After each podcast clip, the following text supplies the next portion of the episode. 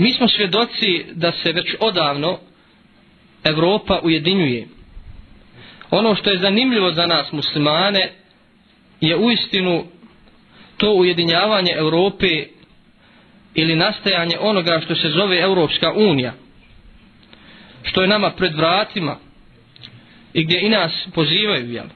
svako ko imalo razmišlja zapitaće se kako europski narodi nemuslimani pored svih svojih raznolikosti razlika politički, vjerski nacionalni i mnogi drugi kako uspijevaju da se ujedine i da stvore jednu veliku uniju ili državu sa slobodnim granicama, trgovinom, vjerama, kretanjem ljudi i tako dalje.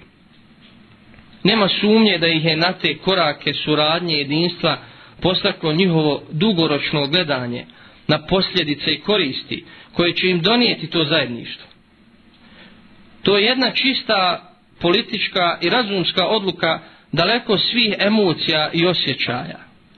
Pitamo se zašto muslimani ne radi na svome ujedinjavanju, a imaju sve faktore i preduvjete za, za tako nešto.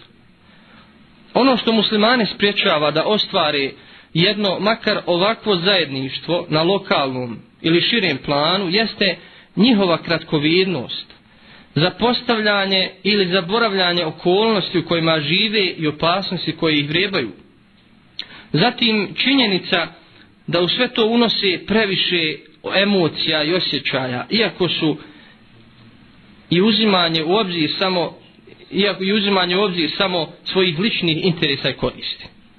Danas muslimanima ne fali ljubavi prema islamu i brige za njegovim opstankom, ali ono što im ne da da razmišljaju hladne glave, racionalno i pametno, i da prednost daju općim interesima jeste primitivizam, civilizacijska zaostalost i zatupljenost.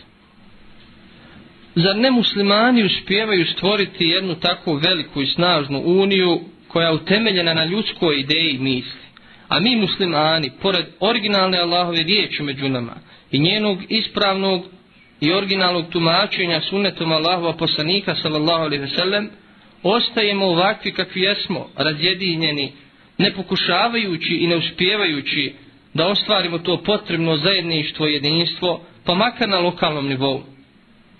Taj naš primitivizam nas je uvijek skupo koštao i zasigurno bio jednim od najvećih razloga naše slabosti i potičinjenosti drugima. Prema tome, muslimanima nije samo potrebno da znaju propise svoje vjere i da je prakticiraju, naprotiv, neophodno im je potrebna jedna opća edukacija, međusobna tolerancija, racionalno razmišljanje i hladna glava. Ako razmišljamo o nejedinstvu muslimana, o njihovom međusobnom razdoru, doći ćemo do zaključka da postoje dva osnovna razloga nejedinstva. Da bi uspješno eliminisali razloge našeg nejedinstva i razdora, neophodno je da znamo koji su njegovi glavni uzroci. Uzvišeni Allah subhanahu wa ta'ala u svojoj knjizi nas obavještava da su osnovni razlozi razjedinjenosti, međusobna zavist i oholost i zaboravlja, zaboravljanje onoga što nam je naređeno. Zato kaže uzvišeni subhanahu wa ta'ala A'udhu billahi min shaitan rajim ومن الذين قالوا إنا نصارى أخذنا ميثاقهم فنسوا حظا مما ذكروا به فأغرينا بينهم العداوة والبغضاء إلى يوم القيامة kaže uzvišeni subhanahu wa ta'ala a oni kojima je data knjiga su se podvojili baš onda kad im je dato znanje i to iz međusobne zavisti.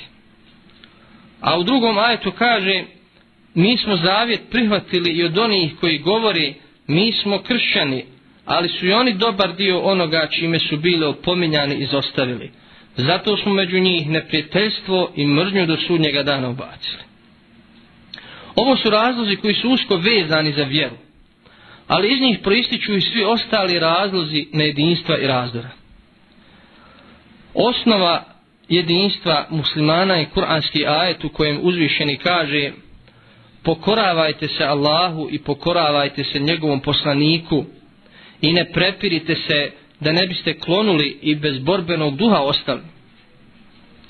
Prepirke i razjedinjeno su uzrok propadanja zajednice.